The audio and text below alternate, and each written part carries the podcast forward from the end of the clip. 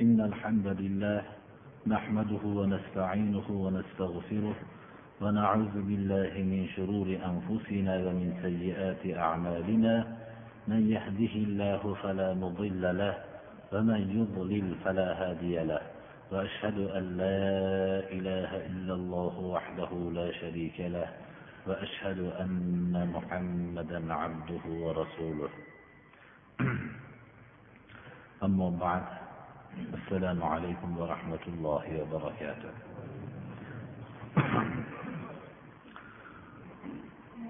أعوذ بالله من الشيطان الرجيم.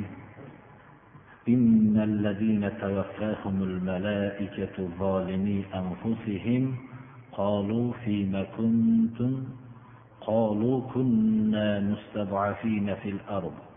قالوا ألم تكن أرض الله واسعة فتهاجروا فيها فأولئك مأواهم جهنم وساءت مصيرا إلا المستضعفين من الرجال والنساء والولدان لا يستطيعون حيلة ولا يهتدون سبيلا فأولئك عسى الله أن يعفو عنهم وكان الله عفوا غفورا. Qur'oni karimdan juma kunidagi darsimizni davom ettiramiz.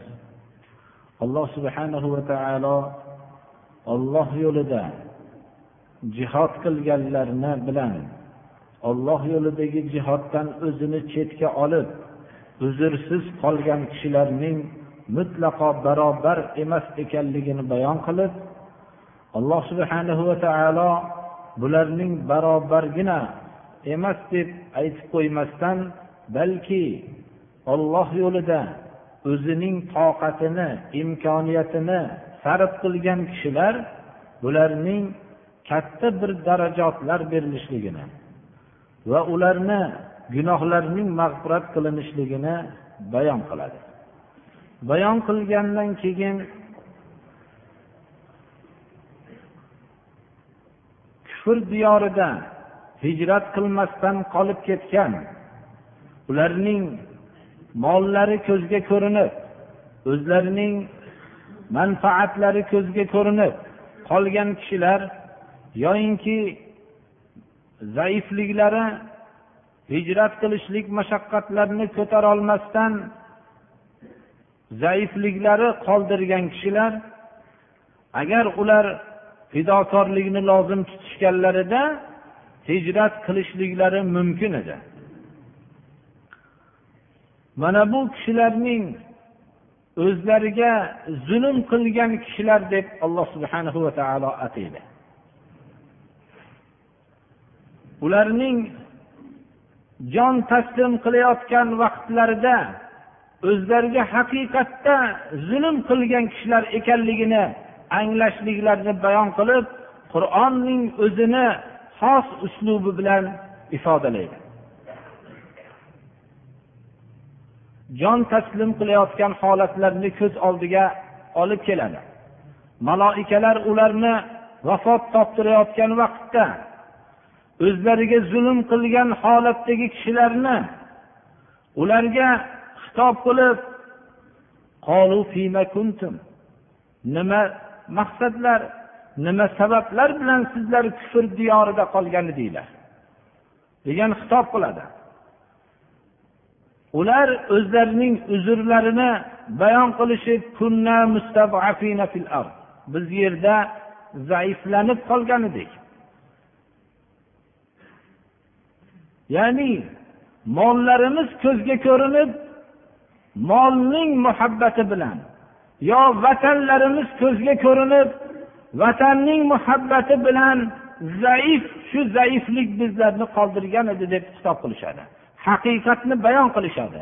O'zlarining mol oldidagi boshqa bir dunyo muhabbatlari oldidagi zaifliklarini bayon qilishadi. Alloh subhanahu va taolo tarafidan ularning jonlarini taslim qilishlikka jonlarini olishlikka muvakkal bo'lgan maloikalar ularga xitob qiladiki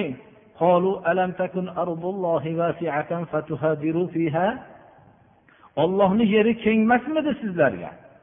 Bu yerlarga hijrat qilsanglar bo'lmasmidi? Sizlar o'zinglarni dininglarni olib qochib.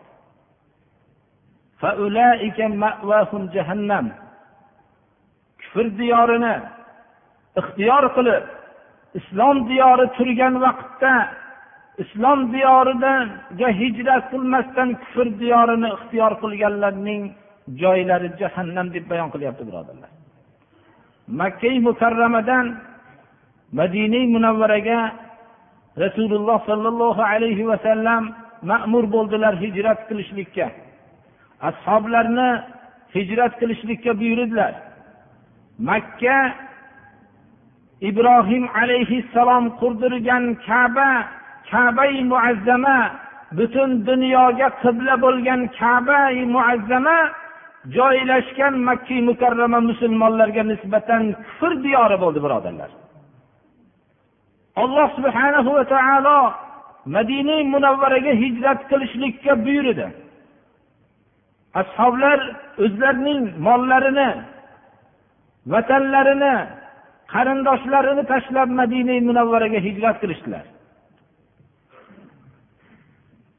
Mollarini bilan hijrat qilishlik qiyinligi u makka mushriklari agar moling bilan hijrat qiladigan bo'lsang sen makkada makkadan jilolmaysan deb qattiq turishardi. Ular mollarini tashlab madina munavvaraga hijrat qilishardilar. Hatto ularning yo'lda sahro mashaqqatlari bilan vafot topishlari ham mumkin edi. Ana bu qiyinchiliklarni hammasini yengishdilar. Ular zaif bo'lishmadilar. Molning muhabbatini oldida zaif bo'lmadilar o'zlarining tug'ilgan kindik qonlari to'kilgan vatanning oldida zaif bo'lmadilar. Ular o'zlarining vatanlari aqidasiga muvofiq yashagan o'rin mo'minning vatani ekanligini yaxshi anglashdilar. Alloh subhanahu va taolo ashoblarini va rasululloh sollallohu alayhi vasallamning madina munavvaraga hijrat qilishligini iroda qildi. Madina munavvara musulmonlarga nisbatan doril islom bo'ldi. Makka mukarrama u yerda ollohning hukmi poymol qilinganligi uchun mushriklar zo'ravonligi o'tganligi uchun musulmonlarga nisbatan agarki tug'ilgan bo'lsalar ham makkada agarki bu yerda kabai muazzama bo'lsa ham ollohning hukmi bo'lmaganligi uchun musulmonlarga nisbatan doril kufr bo'ldi. Hijrat farz bo'ldi. Alloh subhanahu va taolo hijratning qiyinchiliklarini ko'tarmasdan mollari ko'zga ko'rinib tug'ilgan joylari ko'zga ko'rinib o'zlarining manfaatlarini ko'zga ko'rinib hijratda qolgan kishilarni o'zlariga zulm qilganlar deb atadi.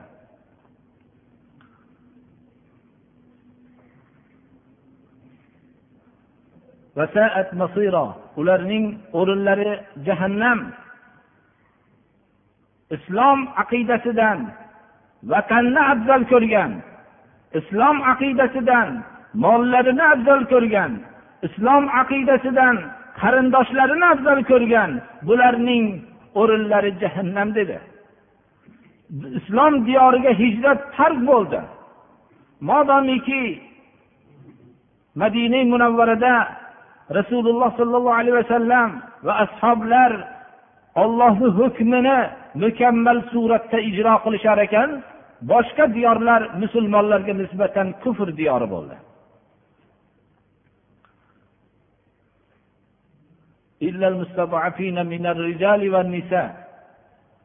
Taban bu hijrat qilolmagan kishilarning ichida haqiqatda ham uzrlik bo'lgan kishilar bor edi.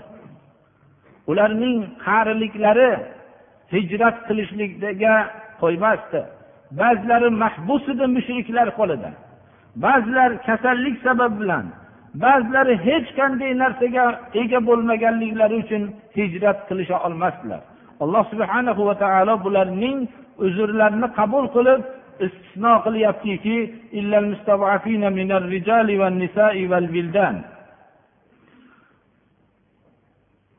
zaif kishilar va ayollar va bolalarki ular hech qanday choraga qodir bo'lmagan biror bir yo'lga yo'llana olmagan bular bular mustasnodir. Ularni shoyat olloh afv qilsa ularni uzrlarini qabul qilsa olloh kechiruvchi va g'ofur gunohlarni kechiruvchi zotdir. Olloh afv qiluvchi va gunohlarni kechiruvchi zotdir.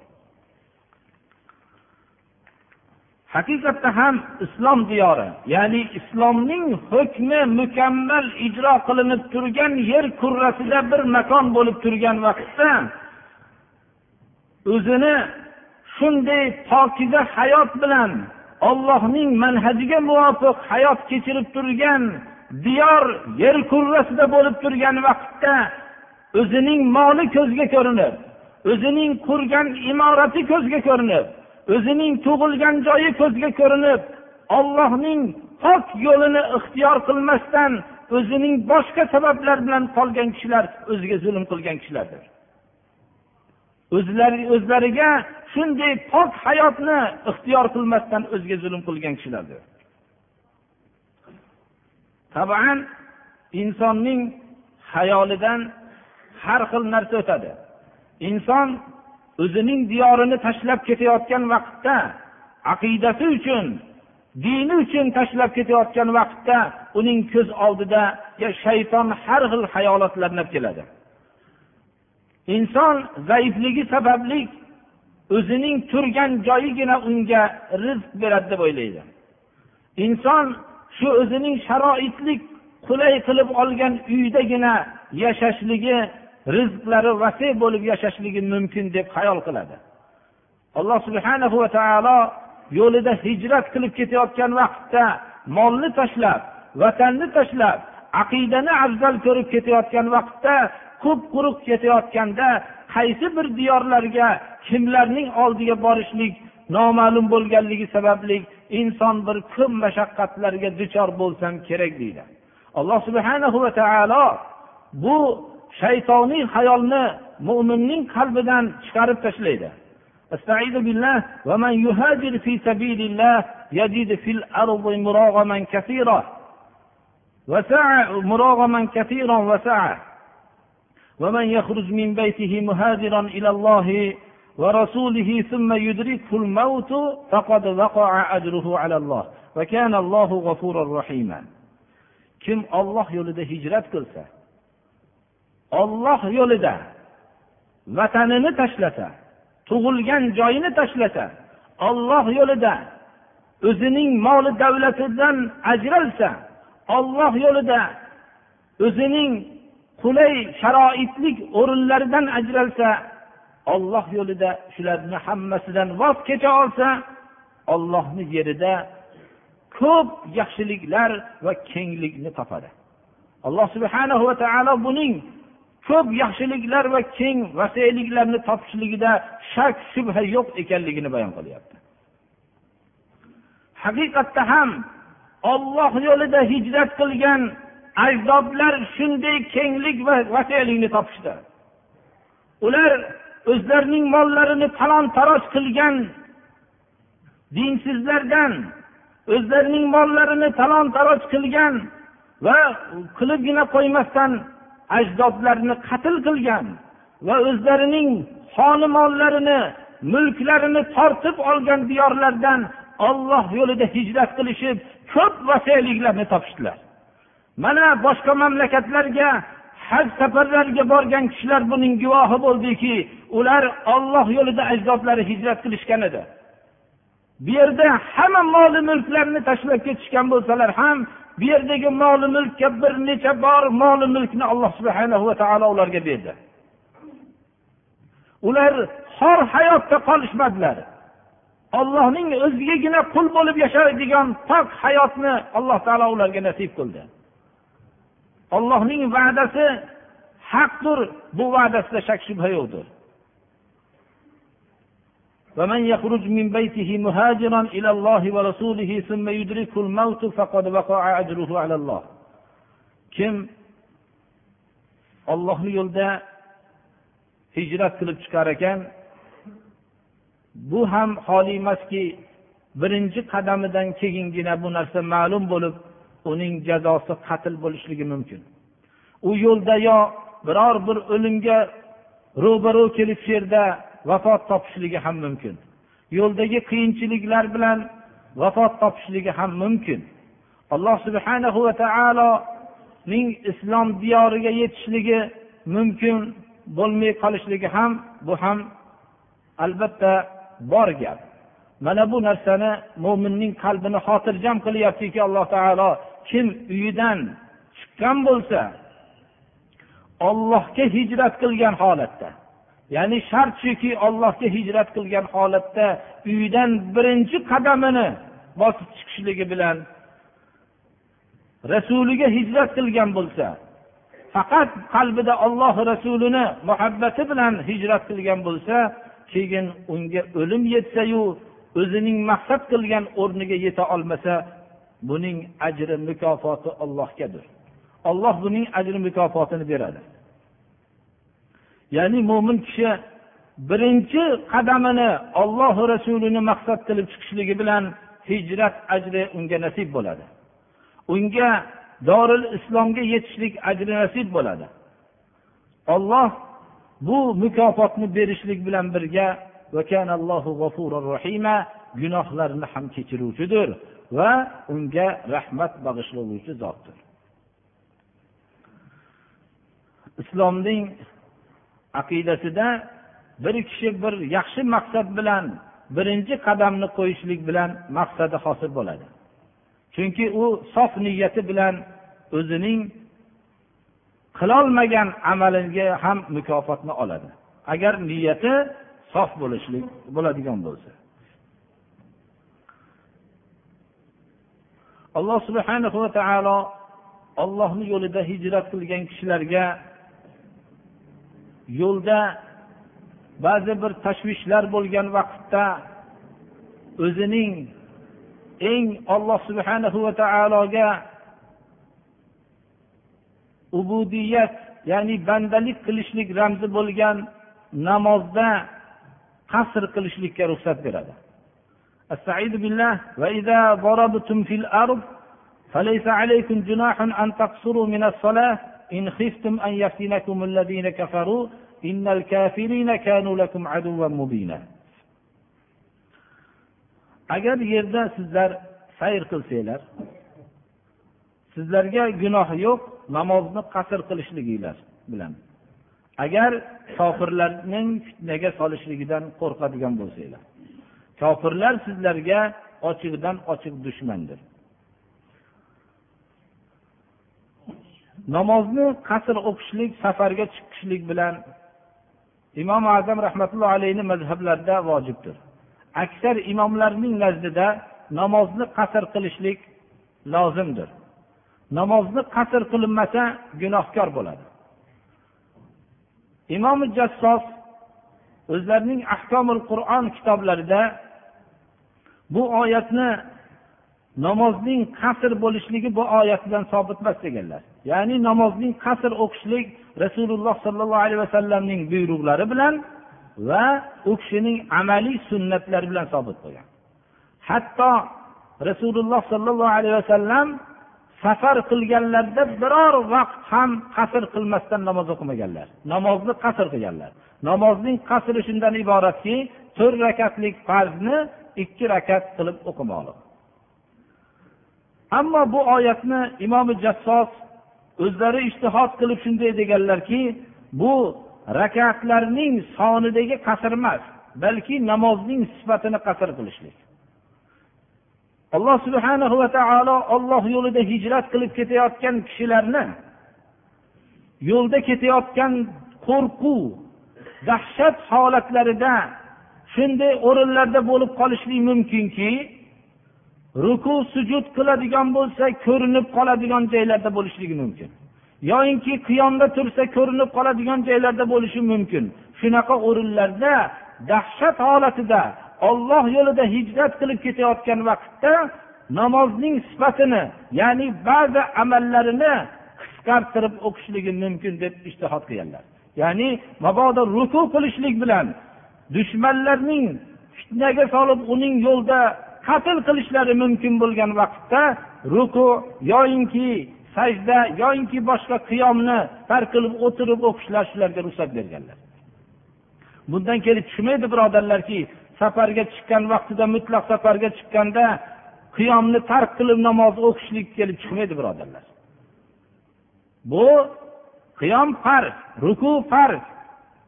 Sajda bular hammasi farz amallar. Lekin namozning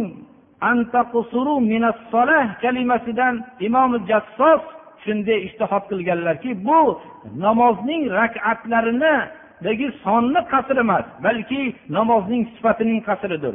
Ammo namozdagi qasr bu rasululloh sollallohu alayhi vasallamning buyruqlari bilan amaliy sunnatlari bilan bu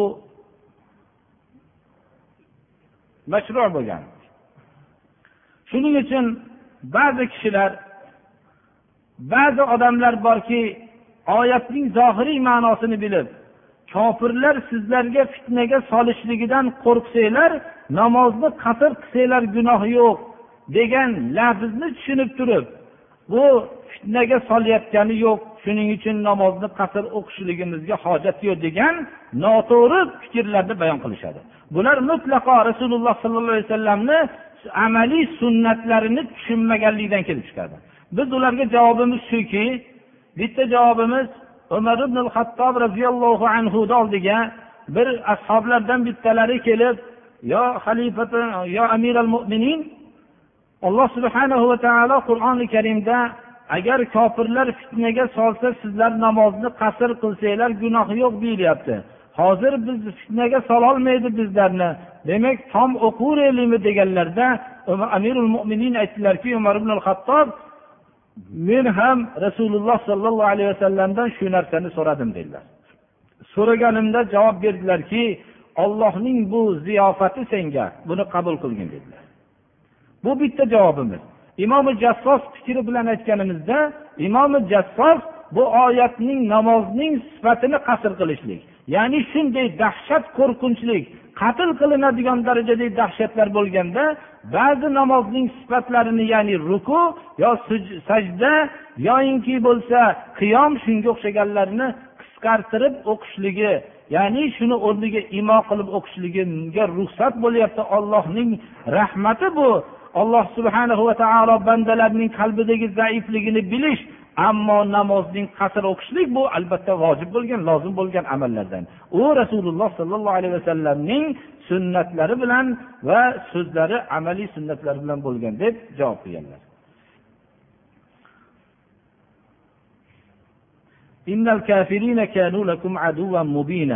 Kofirlar sizlarga ochiqdan ochiq dushmandir.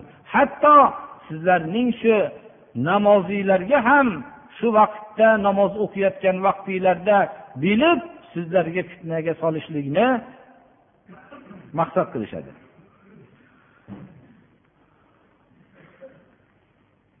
Hijrat munosabati bilan hijrat vaqtidagi namozning sifatini qasr qilishlik bayoni munosabati bilan alloh subhanahu va taolo salotul xavf ya'ni mo'minlar kofirlar bilan jang maydonida ro'baru bo'lgan vaqtlarida o'zlarining bu asosiy ma'rakadagi qurollari bo'lgan ollohga sig'inishlikning eng oliy ramzi bo'lgan namozni qo'ymaslikka buyuriydi va bu vaqtdagi holatni bayon qiladi استعيذ بالله وإذا كنت فيهم فأقمت لهم الصلاة فلتقم طائفة منهم معك وليأخذوا أسلحتهم.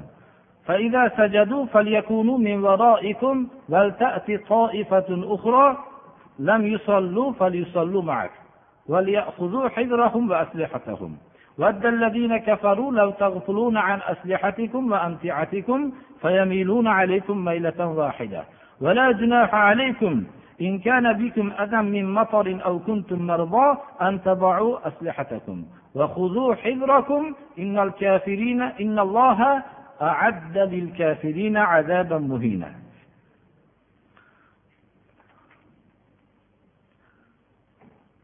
agar siz deydi alloh subhanahu va taolo payg'ambarimiz sollallohu alayhi vasallamga ashoblar mo'minlar musulmonlar ichida bo'lsangiz ularga namozni barpo qilib bersangiz ularning bir toifasi siz bilan birga namozda tursin va qurollarini olib tursin. Islom ahli islom bilan ahli kufr o'rtasida jihod bo'lgan vaqtda mo'min kishilar o'zlarining asosiy dushmanlaridan farq qilib turgan dushmanlari ega bo'lmagan qurollari bo'lgan namozni hech qachon qo'yishmaydilar. Chunki kishi harbiy har bir kishi jang maydonida o'zining qurolini hech qachon yerga qo'ymasligi kerak. Mo'minning asosiy quroli namozdir. Namoz alloh subhanahu va taologa ubudiyat belgisining eng asosiy belgilaridandir. Bu asosiy qurolini mutlaqo qo'ymasligi kerak. Namozni oddiy bahona qilib tark qilib yurganlar yaxshi eshitib olsinlar. Namoz jang maydonida ham eng zarurroq bo'ladigan ibodat. U oddiy holatlarni bahona qilib namozni qo'yib yurganlar mana bu oyatga yaxshi quloq solsinlar. Alloh subhanahu va taolo payg'ambarimiz sollallohu alayhi vasallamga agar siz ularning ichida bo'lsangiz namozni barpo qilib bersangiz ularning bir toifasi siz bilan birga namozda tursin. Musulmonlarning yarmi imom bilan birga namoz o'qib turadi. Qurollarini olishib olsin yonlarida tursin. Sajda qilishganlaridan keyin sizlarning orqanglarda bular turishsin. Ya'ni namoz to'rt rakatlik bo'ladigan bo'lsa ikki rakat namozni o'qilgandan keyin bu namozni o'qigan kishilar dushman tarafiga qarab ketishadi. Va dushman tarafida turgan mo'minlar imomga kelib iqtido qilishadi. Agar namoz ikki rakatli namoz bo'lsa bir rakatni o'qilgandan keyin namozni imom bilan birga o'qigan kishilar dushman tarafiga qarab ketadi. Dushmandan himoya qilib turadi. Dushmandan himoya qilib turgan birinchi rakatda ishtirok etmagan mo'minlar imom bilan bir ikkinchi rakatga iqtido qilib namoz o'qiydi.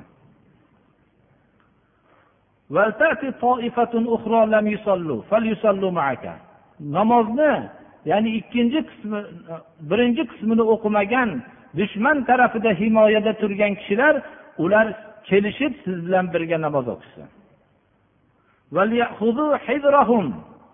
O'zlarining hushyorliklarini mahkam lozim tutishsin. Qurollarini mahkam ushlashsin. Chunki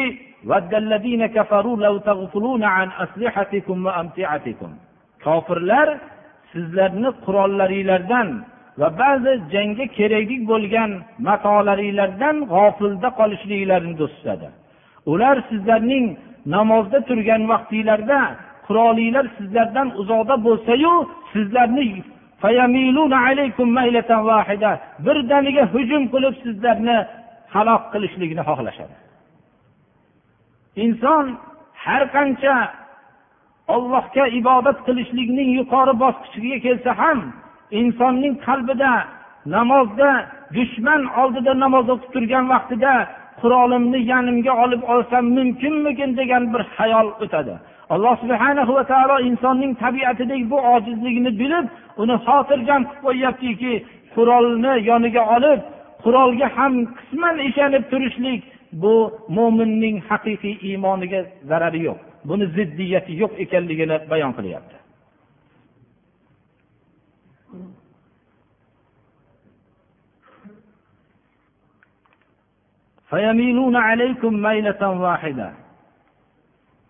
shu bilan birga ba'zi vaqtlar bo'lishi mumkinki yoyinki ba'zi kishilarga nisbatan qurolning yelkada namozda ko'tarib turishlik og'ir bo'lishligi mumkin.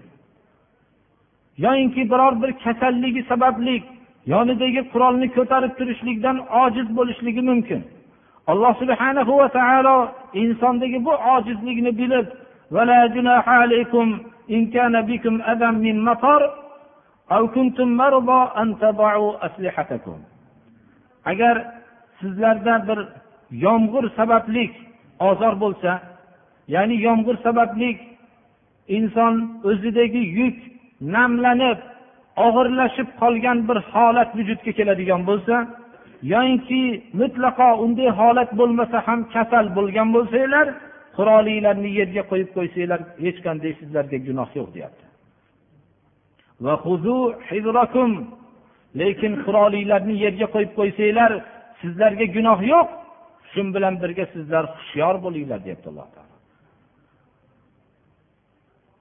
Alloh subhanahu va taolo kofirlarni agar musulmonlar haqiqiy islomni ushlashgan bo'lsa g'olib qilgan emas balki u kofirlarga xorlovchi azobni tayyorlab qo'ygandir. Haqiqatda ham haqiqiy islom hukm surgan vaqtida kofirlar xor bo'lgan birodarlar. Bu hukmni davomiy emas ekanligi. Yana biz shu namozdagi bir nuqtaga diqqat bermoqligimiz kerak. Shu yerda ham ikkiga bo'linib o'qilmasdan shunday qiyin vaqtida ham bitta imomga iqtido qilib turib o'qishlikka islom haris bo'lyapti. Hatto ikkiga bo'linib o'qilsa ham mumkinku degan insonning xayolidan o'tishi mumkin. Bo'linish hatto shunday harajli vaqtlarda bunday qiyin vaqtda bo'linishlik juda xatardir birodarlar.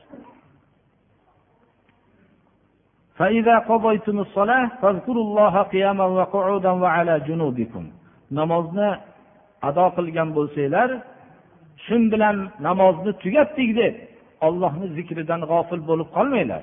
Ollohni turib ham o'tirib ham yotgan holatinglarda ham ollohni zikrini qilinglar.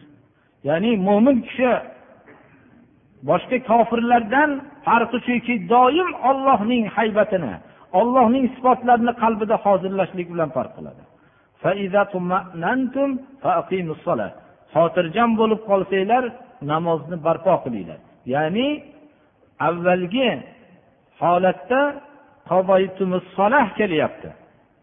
Keyingi kalimada kelyapti. Namozni ado qilish va barpo qilish kalimalariga diqqat beraylik. Chunki avvalgi holatda bir rakatni o'qib himoya qilish bu agarki shu holatga nisbatan barpo qilishlik bo'lsa ham namoz boshqa holatga nisbatan namozni ado qilishlikdir. Ammo sizlar xotirjam bo'lgan vaqtinglarda namozni mukammal ado qilinglar.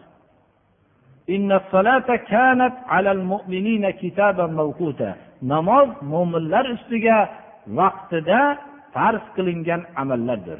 Uning vaqtidan kechirib kechiktirib o'qishlik bu vaqti o'tib ketgandan keyin o'qishlik bu alloh subhana va taolo namozni bunday qilmadi. Namozni vaqtida farz qildi.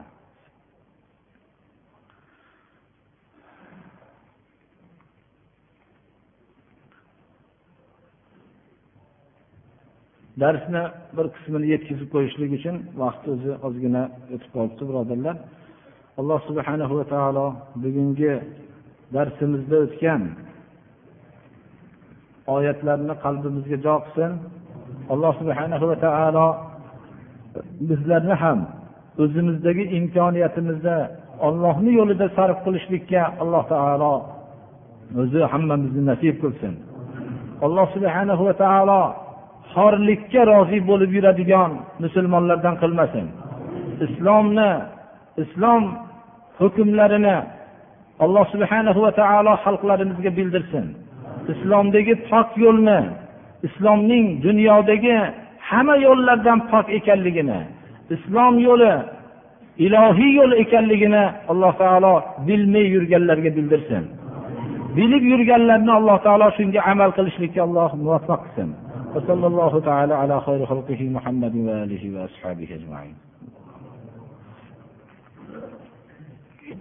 اللهم يسر لنا أمورنا أمور الدنيا والآخرة الآخرة وأجرنا من خزي الدنيا وعذاب الآخرة. اللهم استرنا بسترك الجميل في الدنيا والآخرة. اللهم أعنا على ذكرك وشكرك وحسن عبادتك. اللهم إنا نعوذ بك من الكفر والفقر والجبن والكسل ومن فتنة المحيا ومن فتنة الممات ومن فتنة المسيح الدجال ومن فتنة عذاب القبر ومن مرد إلى أرذل العمر. اللهم حبب إلينا الإيمان وزينه في قلوبنا وكره إلينا الكفر والفسوق والعصيان واجعلنا من الراشدين وتوفنا مسلمين وأكرمنا بالصالحين غير خزايا ولا مفتونين. اللهم اجعلنا من الذين يستمعون القول فيتبعون أحسنه. اللهم أرنا الحق حقا وارزقنا اتباعه وأرنا الباطل باطلا وارزقنا اجتنابه. اللهم اجعلنا من الذين يستمعون القول فيتبعون أحسنه. اللهم يسر لنا أمورنا امور الدنيا والآخرة واجرنا من خزي الدنيا وعذاب الآخرة وصلى الله تعالى على خير خلقه محمد وآله وأصحابه أجمعين الطاهرين الطيبين وارحمنا واحشرنا معهم برحمتك يا أرحم الراحمين. من الشيطان الرجيم. بسم الله الرحمن الرحيم.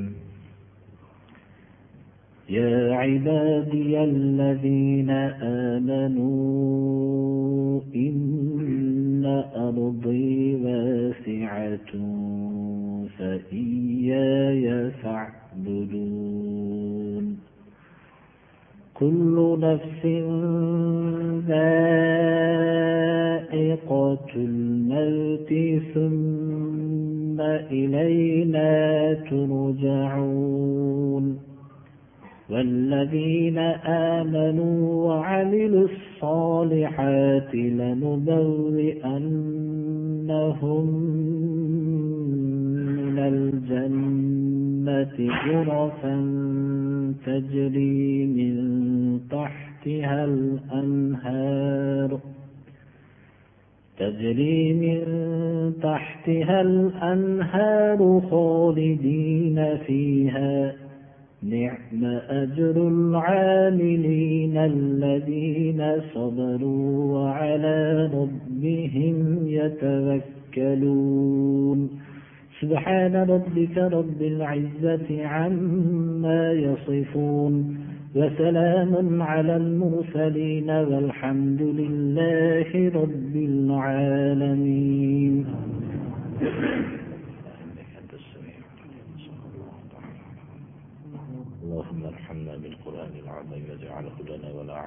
علينا حجة يا رب العالمين آمين اللهم تقبل منا إنك أنت السميع الله تعالى ينخلد نسمع قرآن الله تعالى mehmonlarimizni qadamlariga alloh hasanotlar bersin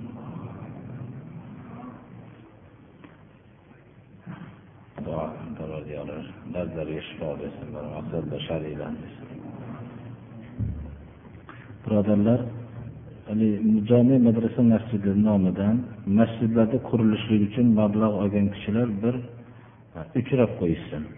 Hali jumadan keyinmi yo bo'lmasam ertaga peshindan keyinmi ilgarimi uchrab qo'yishsin.